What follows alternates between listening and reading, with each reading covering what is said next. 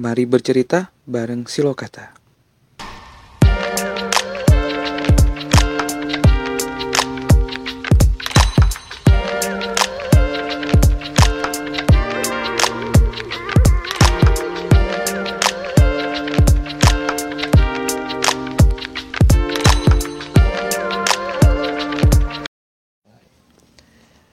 Assalamualaikum warahmatullahi wabarakatuh. Sampurasun. Sampurasun. Rampes.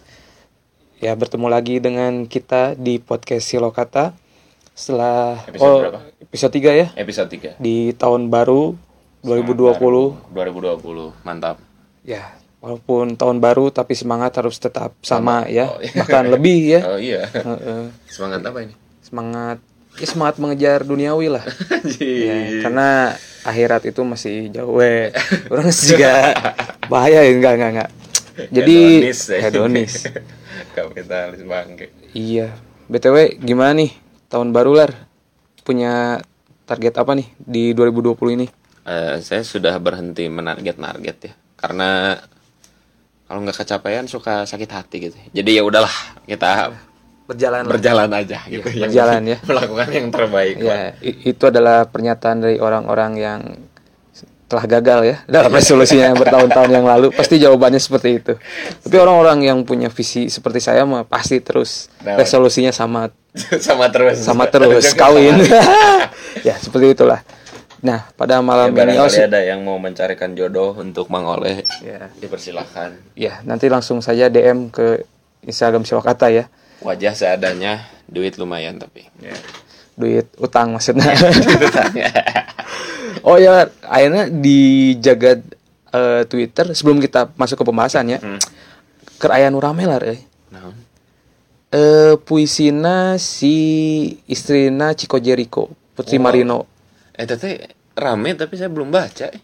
Belum baca. Belum. Coba coba lihat IG-nya. Memang memang eh kata-katanya nya kumaha nya? Ku- Eh coba bacalah ya. Nih gitu sih?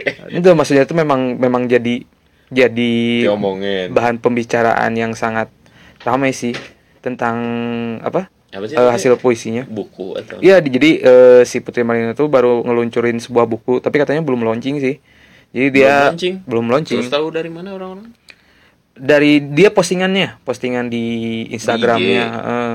Jadi dia ngeposting satu apa? Satu halaman, satu tulisan gitu dari bukunya. Mm. Dan itu jadi wah rame lah. Enggak, Jadi rame ke- di Kenapa ramenya tuh? Kenapa sih? karena kata-katanya pak kata-katanya nih Kata-katanya. saya liatin aja nih nih coba baca bapak Hmm, hmm, hmm. Ntar, ntar ya. Bacanya dalam hati ya. udah ya bacain pak jangan baca dalam hati Tidak ada siapa pun yang akan paham. Titik, titik, titik. Benar kan? Hah, benar Kata setiap orang pada saat meminta pemahaman. nah nih perta first impression bapak nih melihat kata-kata seperti ini kayak gimana Ya bisa aja sih ya, maksudnya. Enggak maksudnya gini ya. Kan puisi mah subjektifnya. Heeh. Jadi mencek orang biasa aja mungkin orang lain akan bilang bagus. Mm. Ya, atau misalnya ada orang bilang jelek gitu. Hmm, ya tapi bebas weh sebenarnya mah ya cuma muncek saya gitu ya. Kalau ada orang berkarya terus netizen udah langsung menghakimi gitu ya. Hmm, hmm.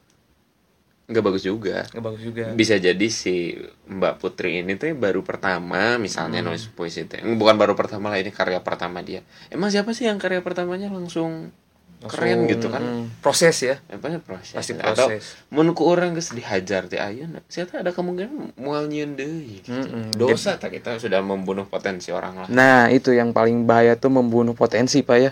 Jadi memang yang boleh mengkritik asal eh, objektif gitu. Jadi Iya sih maksudnya jatuhnya jangan membuli ya gitu. subjektif pasti pasti subjektif Hmm. dong karena karya seni mah pasti pasti dikritik secara subjektif tapi ya itu jangan jangan membuli aja Hmm, gitu kan sasa aja misalnya ih puisinya nggak bagus misalnya teh gitunya Hmm, boleh bilang gitu nggak apa-apa gitu tapi ulah jadi nyerang langsung personal Wah, betul. Jadi serang kalau nggak suka ya nggak suka karyanya lah, Eh, jangan nggak suka orangnya betul. gitu. Ya, jadi yang lagi rame di jagat lini masa asik. Itu lagi puisi Eh, apa Putri Marino selain perang itu ya Iran. udahlah kita aja nggak udah udah pak. ya itu mah politik lah pak. Orang ya. membuat hari-hari orang menjadi negatif itu sih. Ya. Tidak mau melihat. Ya janganlah mending kita lihat akun lambe turah saja. Jadi ribut segala. Asik. Iyalah.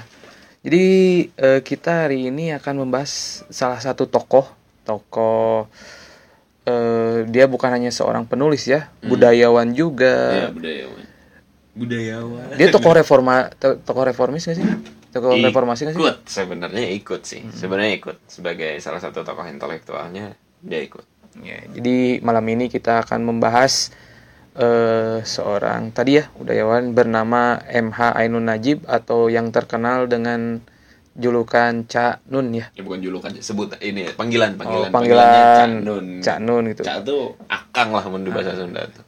Jadi mun juga orang lah ngaran kan sekeren Sandi Ansori gitunya. Tah, Jadi panggilannya oleh. oleh gitu. Cocok sih tapi dah. Tapi memang banget mana bahas Cak Nun lah yang bahas oleh deui. Udah di episode pertama ya. Iya iya iya iya. Nah, ini tuh Cak Nun itu adalah idola dari Bapak Gelar nih. Mungkin nanti eh, Lar, coba cerita sedikit lah tentang kenapa Anda bisa menyukai sosok Cak Nun ini. Hmm. Ini ya sebenarnya ente kenal Cak Nun sebagai non? Saya kenal Cak Nun itu sebagai yang saya sukai atau yang saya kenal dia. Yang kamu kenal se- Cak Nun tuh sebagai apa gitu? Yang kamu tahu gitu? Yang saya tahu mah sebenarnya udah kayak ulama sih, Lebih ke itu ya? lebih ke situ, ceramah yang gitu ngisi ya? ceramah karena dia kan punya eh, apa? Jamaah. Komunitas jamaah Ma'iyah. ya, Ma'iyah yang di Jogja kan basisnya ya. Jogja kan? Sebenarnya udah tersebar. Tersebar. Awalnya Jogja sebenarnya awalnya, Ya, tapi tersebar di semua. Heeh. Hmm. Tapi basisnya emang di Jogja. Nah, itu saya kenal dia tuh sebagai tokoh tokoh agama lah, tokoh Hmm. agama terus juga tokoh reformasi juga dulu kan. Nah, itu yang saya kenal. Nah, saya tuh sebenarnya sebelum YouTube rame kayak sekarang tuh udah kenal Cak Nun tuh lewat tulisan. Oh, lewat tulisan. Jadi saya tuh tahunya dia penulis MH Ainun Najib tuh. Hmm. Bukan jadi baru tahu dia Ma'iyah dan segala macam tuh pas rame YouTube weh. Hmm. Pas ada oh ada oh ceramah Cak Nun teh geningan gitu. Mm-mm. Oh ternyata eh ya disebutnya mah Kiai Mbeling jadi Kiai Kiai tapi nggak kayak Kiai gitu lah. Hmm, hmm, hmm. kayak gitu tapi saya lebih akrab dengan tulisannya sebelumnya. Jadi di dalam benak saya itu ya Cak Nun itu adalah penulis gitu. Penulis. Penulis dan ternyata ya memang dia salah satu esais terhandal lah gitu. Dan kenapa ini jadi yang utamanya ya bahasan kenapa Cak Nun tuh bagi saya esai-esainya Cak Nun tuh profetik. Profetik. Profetik itu dalam bahasa kenabi-nabian Hmm. da- bahasa tulisannya tuh jadi sangat kena ke perasaan buat saya terus sangat menyenggol realitas yang ada gitu Hmm, hmm. jadi kan dia banyak menulis di zaman ya 80-an 90 70-an mungkin ya udah mulai 80-an 90-an itu pas zaman zaman Soeharto masih berkuasa Iya, gitu iya. dan dia banyak menulis yang tulisannya tuh menggambarkan kondisi masyarakat Indonesia saat itu Hmm. dengan berbagai macam eh, majas dan ini. pokoknya penggambarannya tuh luar biasa gitu jadi nggak nggak yang standar ngebahas ada orang miskin gitu nggak kayak misalnya bahasa apa ya Eh, gelandangan di negeri sendiri misalnya Hmm. nah itu dia kayak ngebahas sedang gimana sih orang kita tuh saking miskinnya sampai harus mengemis-ngemis gitu deh kayak gitu terus salah satu buku-buku awal yang saya baca itu adalah Selilit Sang Kiai Saya, juga sempat baca sih sedikit itu. C- eh, apa isai-isainya. Hmm. Emang harus diakui ya, eh, isai-isainya tuh bahkan sam- masih relatable sama Sampai kondisi sekarang- hari ini ya. sampai sekarang tuh masih masih sangat nyambung Hmm. nah Selilit Sang Kiai itu kan itu kan salah satu potongan saya kalau nggak salah gini loh Sel- Selilit itu artinya kan ya kalau kita makan daging ada yang nyelap nyelap kan sih? Oh, nyangkut nyelap, di gigi gitu ya nyangkut, Nah, ah. nah, itu selilit disebutnya Hmm. bah nggak tahu ya kalau bahasa Indonesia nya pokoknya itu selilit nah itu nyeritain dia dia me- membuat sebuah perumpamaan seorang kiai yang lagi ada selilit di giginya. Hmm. terus dia harus ngeluarin selilit itu tapi nggak bawa tusuk gigi.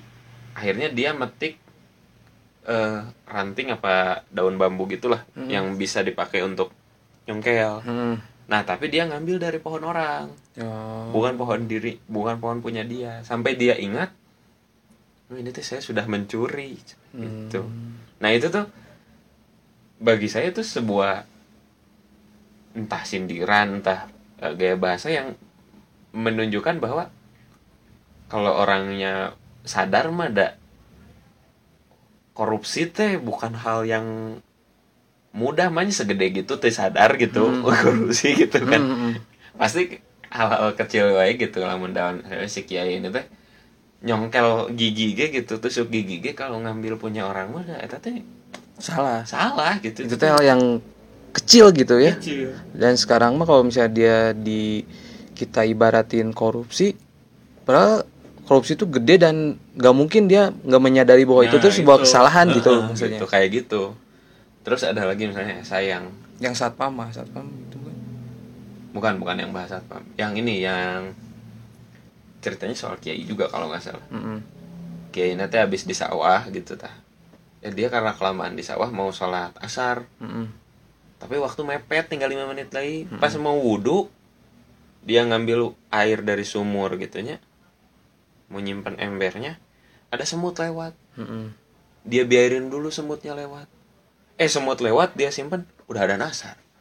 Nasa? Ada nasar. Oh ada nasar. jadi eh, jadi lucunya tuh ini tuh saya tuh membiarkan semut hidup tuh tindakan yang benar atau enggak gitu. Karena saya membiarkan semut hidup saya jadi telat adan asar eh sholat asar gitu Kumaha kan katanya adan asar kan masih adan. eh so- sholat zuhur sholat zuhur Oh, sholat zuhur zuhur. eh rek sholat zuhur telat udah mepet ke adan asar gitu. Mm. tapi karena ada semut lewat saya biarin dulu semutnya hidup nggak saya simpan gitu tetep aja gitunya dibiarkan hidup eh orangnya telat sholat iya gitu Oh berarti eta salah. Nu kudu nage mau naik sholat lohor, nya pas Di sholat lohor di awal, itu ada guaan asar, nyalakan sirem. nah gitu. Aduh, Jadi, pokoknya itu cerita-cerita kayak kayak gitulah hal-hal kayak gitu. Maksudnya eh, bagi saya sih itu eh ya keren lah gitu. Dalam artian kalau pengen mah bisa menulisnya pengen bisa kayak gitu gitu. Ay, Cak Nun ya. Eh, eh, itu tulisannya yang memang luar biasa menurut saya. Terus hal lain lagi soal Cak Nun itu adalah jam dia menulis Mm-mm. nah dia tuh biasanya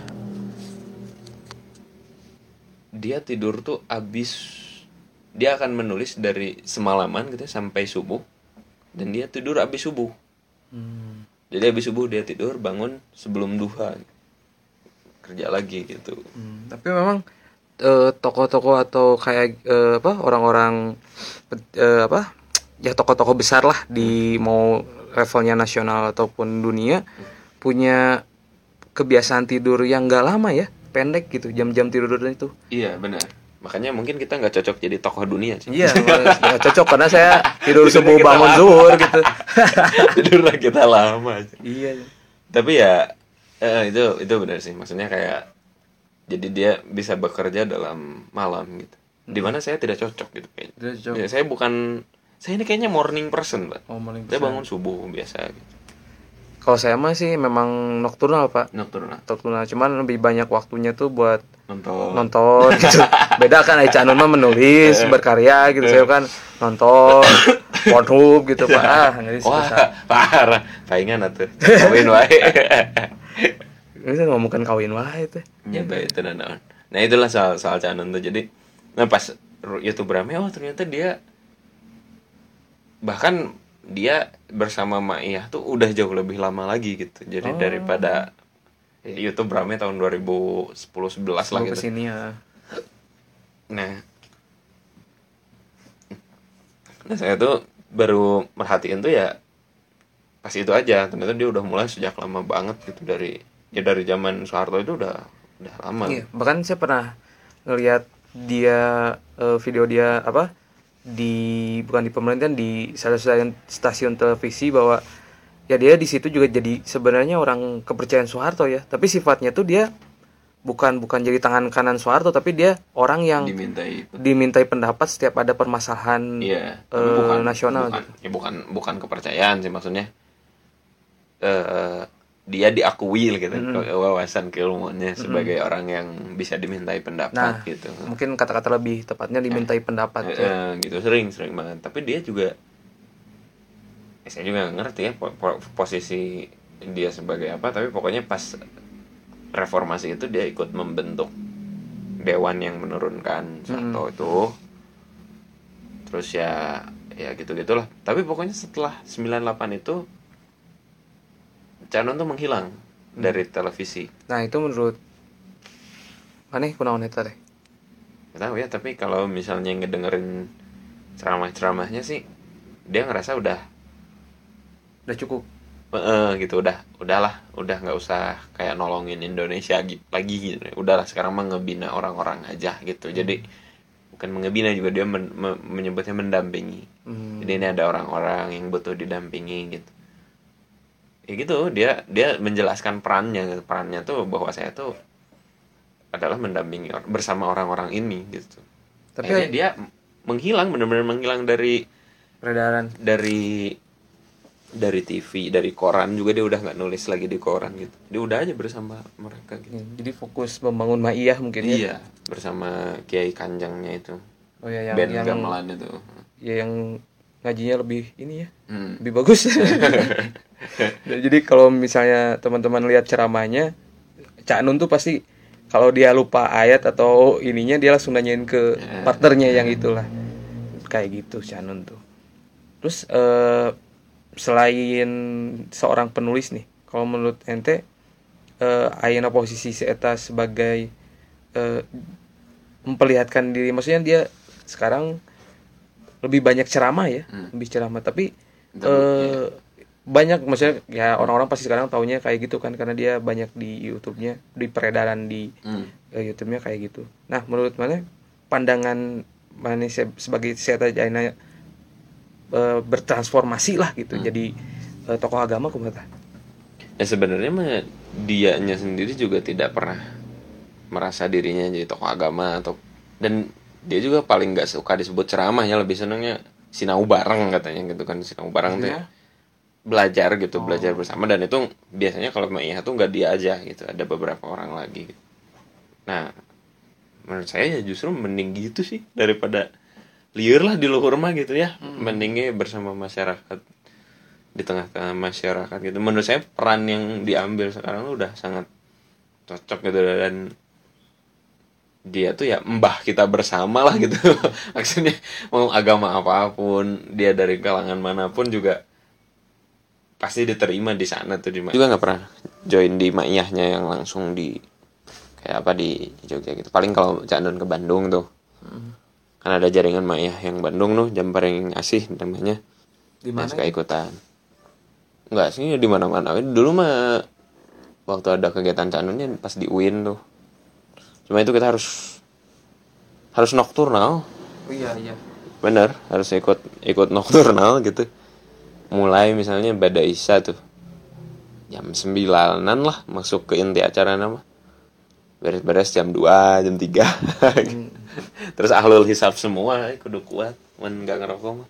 Oh iya benar karena di tiap beliau ceramah itu pasti sambil ngudut jeng ipok metinya. ipok meti bener Asli. Nah, soalnya pernah di Unpad pas ulang iya pas eh, di Sinatasi Unpad yang terakhir kemarin Oh, iya, Cak Nun. Cak Nun yang ngisi. Saya juga nggak datang sih. datang Enggak. oh enggak Jadi taunya dia saya taunya di updatean teman, Pak. Tapi katanya emang bagus sih eh, ceramahnya. Terus eh, gini. Kan Cak Nun tuh ini ya.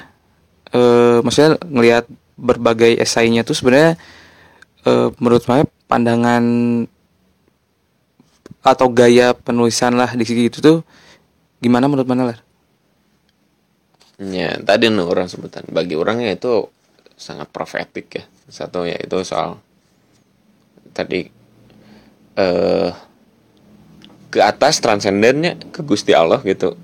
Tapi juga tidak lepas dari realitas manusia gitu. Banyak tulisannya tentang tentang sosial juga gitu. Emang hampir semua itu tentang kemanusiaan khususnya Indonesia. Terus muatan-muatan kritik-kritiknya juga. Iya, kritik-kritiknya mulai dari dimensi spiritual, ekonomi ada gitu di situ. Dan jadi lengkap gitu, lengkap pisan kalau kita mau membaca itu tuh membaca sedang membaca realitas gitu. Kalau sedang membaca tulisan Cak Nun tuh.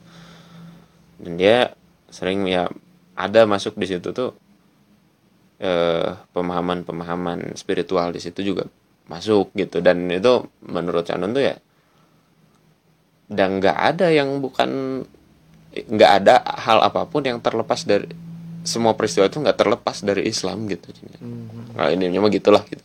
Kasar nama. Tapi kan banyak ya nu eh, non teh banyak yang mengkritik bahwa tentang keilmuan Cak Nun di agama gitu. Hmm. ini mana tuh apa tuh sih saya back, background pendidikannya? Ya kan dulu dia digontor oh, terus keluar santri. santri keluar. Keluar tuh deko ya berantem cina nggak tahu oh kenapa. serius? Terus masuk UGM Eh, jurusan? semester apa ya ekonomi gitu. Semester satu keluar. Akhirnya dia di Universitas Malioboro. Malioboro? Menggelandang oh, iya, menjadi jadi universitas jalanan. Jalanan. UJ gitu. UJ, heeh. dia. Nah uniknya tahun 70-an itu Malioboro itu adalah tempat para sastrawan menggelandang. Oh. Para penyair-penyair tuh berkeliaran di Malioboro dia tahun 70-an res- renaissance gitu. Eh lah gitulah. Kasar gitulah. Yes. kalau Bandung kan tempat musik tuh. Eh, oh Bandung mah prostitusi pak. Iya. Lah. Mana ini mengubah citra Bandung? Parah. Pak Oded dah. Hayang. Si oleh aja. Eh gitu. Pokoknya di Malioboro dia merin apa ya belajar jadi penyair menjadi penulis itu di situ gitu. Dan dia aktif di teater dan segala macem lah gitu akhirnya jadi penulis gitu. Dan benar-benar ya saya sayanya udah mulai dimuat di tempo dan segala macam Hmm. jadi udah percuma nanyain background pendidikan ke Cak Nun mah tuh. Hmm, hmm, hmm. maksudnya gini we banda, bandingin ya siapa pun lah dalam bidang itu gitu misalnya. Terus ngobrol dengan Cak Nun gitu. Dan kita kita tahu lah mana yang lebih paham gitu Hmm, soal permasalahan itu teh gitu. Kalau kalau ada Cak Nun dengan misalnya ahli agamanya apa gitu misalnya. Seorang profesor gitu Eh, misalnya. itu masih kita keli kita bisa ngelihat lah gitu mana yang lebih paham gitu tanpa melihat background akademiknya. Hmm, karena dia Ya, memang masalahnya- ber- belajar langsung terjun langsung di permas di pusat Iya, masalahnya kan, ya. kan pengalaman spiritual mah nggak ada hubungannya dengan gelar akademik. Hmm. mah lulusan Mesir lulusan mana gitu kalau memang kamu sudah mendapat pencerahan darinya gitu ya Hmm. dari sang maha pencipta mah bakal kelihatan gitu Hmm. memang nggak akan nggak akan merasa bahwa itu teh omong kosong gitu Hmm. tapi nya tidak sampai mengkultuskan oke ya canon juga manusia aja biasa gitu Iya. Dan dia juga nggak berafiliasi dengan organisasi mana pun nih pak. enggak tapi NU lah Pasti lah. enggak tapi NU lah gitu Karena mah ya di Jawa mah mau jauh sih TNU. kan anda juga cucu kiai pak tolong jangan jangan menghapus identitas itu Cucunya eh kakek saya yang kiai mas saya tipu. Ya jadi eh tadi membahas tentang Canun. Yo, ngomong-ngomong kalau buku favoritnya nih dari kumpulan esainya yang mana nih pak? Waduh saya teh banyak sih cuma ya nggak ngoleksi. Mungkin yang paling berkesan salah satunya yang selilit sang kiai itu. Ya saya esainya ya keren lah gitu maksudnya bagus-bagus. Yang Tapi- yang sesuai mana nih pak? Tapi yang itu yang selilit sang kiainya sama yang itu yang yang orang Madura pokoknya ceritanya tentang orang Madura dan itu ngomong soal ndak tentu pokoknya udah tentu. ndak tentu. Nah, itu itu katanya bahasa khasnya Madura. ya? bahasa Madura Oh, bukan bahasa khas, log eh, aksen aksen aksen aksen Ah, Madura. Lah ndak tentu tuh tidak tentu gitu. Nah itu itu bagus itu. Untuk kemajemukan. Terus apa lagi ya? Banyak, banyak lah tapi mungkin itu beberapa esai yang paling paling berkenan. Soalnya dia nulis esai ya udah ratusan ribuan mungkin Hmm. ribuan mungkin. Nggak tahu juga ya. Ya udah banyak lah gitu. Ya, itu tebal-tebal nah itu semalam tuh dia bisa nulis tuh sampai 2 sampai 3 esai lebih malah gitu. Kita mah hiji ge sok berhari-hari gitu. Wah. Tapi ya kalau dari saya mah kurangnya canun teh eh pakai bahasa Jawa wae. nah itu coy aja lawan tapi ya kumahanya maksudnya. Dan dia emang ingin menunjukkan kejawaannya gitu. Iya, memang memang nggak salah sih karena basis dianya juga emang dari Emang, Jawa ya. sekarang nyuruh dia ngomong bahasa Indonesia ya orang mah orang Jawa aja Ya orang we, ayeuna nyin podcast mak- kita make gue lu tuh bisa. bisa Jadi mudah-mudahan kita sih tahu bahwa pasar kita tidak akan sebanyak yang gue lo cuy jadi kita udah tahu itu ya, nah, saya juga jadi terinspirasi terinspirasi dari Canun juga, Pak. Heeh. Karena otomatis kan orang harus belajar bahasa Jawa ya. Nah, Heeh. ketika teman-teman nanti pengen belajar bahasa Sunda kan Iya. orang yang ada yang ikut silokata euy. Tapi, Eh, eh yang diajar bahasa Sunda euy cenah. Iya silokata keren bisa anjir cenah kan orang pakai bahasa Sunda. nah gitu jadi orangnya banyak yang pakai bahasa Sunda gitu bebas Jadi saya harapannya sih YouTube semoga bisa ngeluarin subtitle Sunda subtitlenya Jawa Oh, buat iya. Canun kan. Eta teh kan itu juga Canon teh nggak ngupload sendirinya video teh Hmm. dan dia juga nggak pernah minta diupload deh gitunya diupload teh ke jamaah ya ada jemaah-jemaah yang memang hidang gitu. Hmm. jadi merah subtitle. Itu orang si Eta Pahala pahalana ya. gede pisan lah. Pahalana gede pisan. selevel lah jeung lebah ganteng. Oh, yang jih. Akatsuki Pain. Teh eta anjir. Eta pokoknya manusia paling bermanfaat. Bermanfaat. Nah bagi ya judi pak.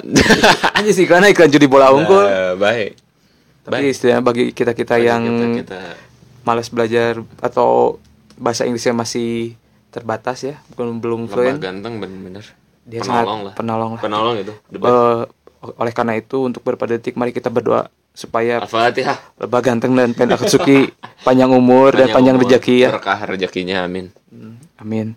Eh, buat Pen Akatsuki sama lebah ganteng jangan lupa translate juga ya. Ceramah-ceramah canun ya jadi diamininnya sama jemaah gitu bukan Eh, hanya orang-orang yang Bukan eh, orang kayak kita, absurd, eh, eh, kayak eh. gitu. ya jadi gitulah teman-teman sedikit pembahasan tentang canun Hmm. Eh, kalau yang nggak puas mungkin nanti bisa cari-cari sendirilah literasinya. Hmm. baca sendiri lah tapi pokoknya mah memang memang canun tuh tokoh yang luar biasa banget lah. Hmm. dia salah satu tokoh nasional yang alhamdulillah sampai sekarang dia tuh saksi sejarah juga ya. Zaki sejarah.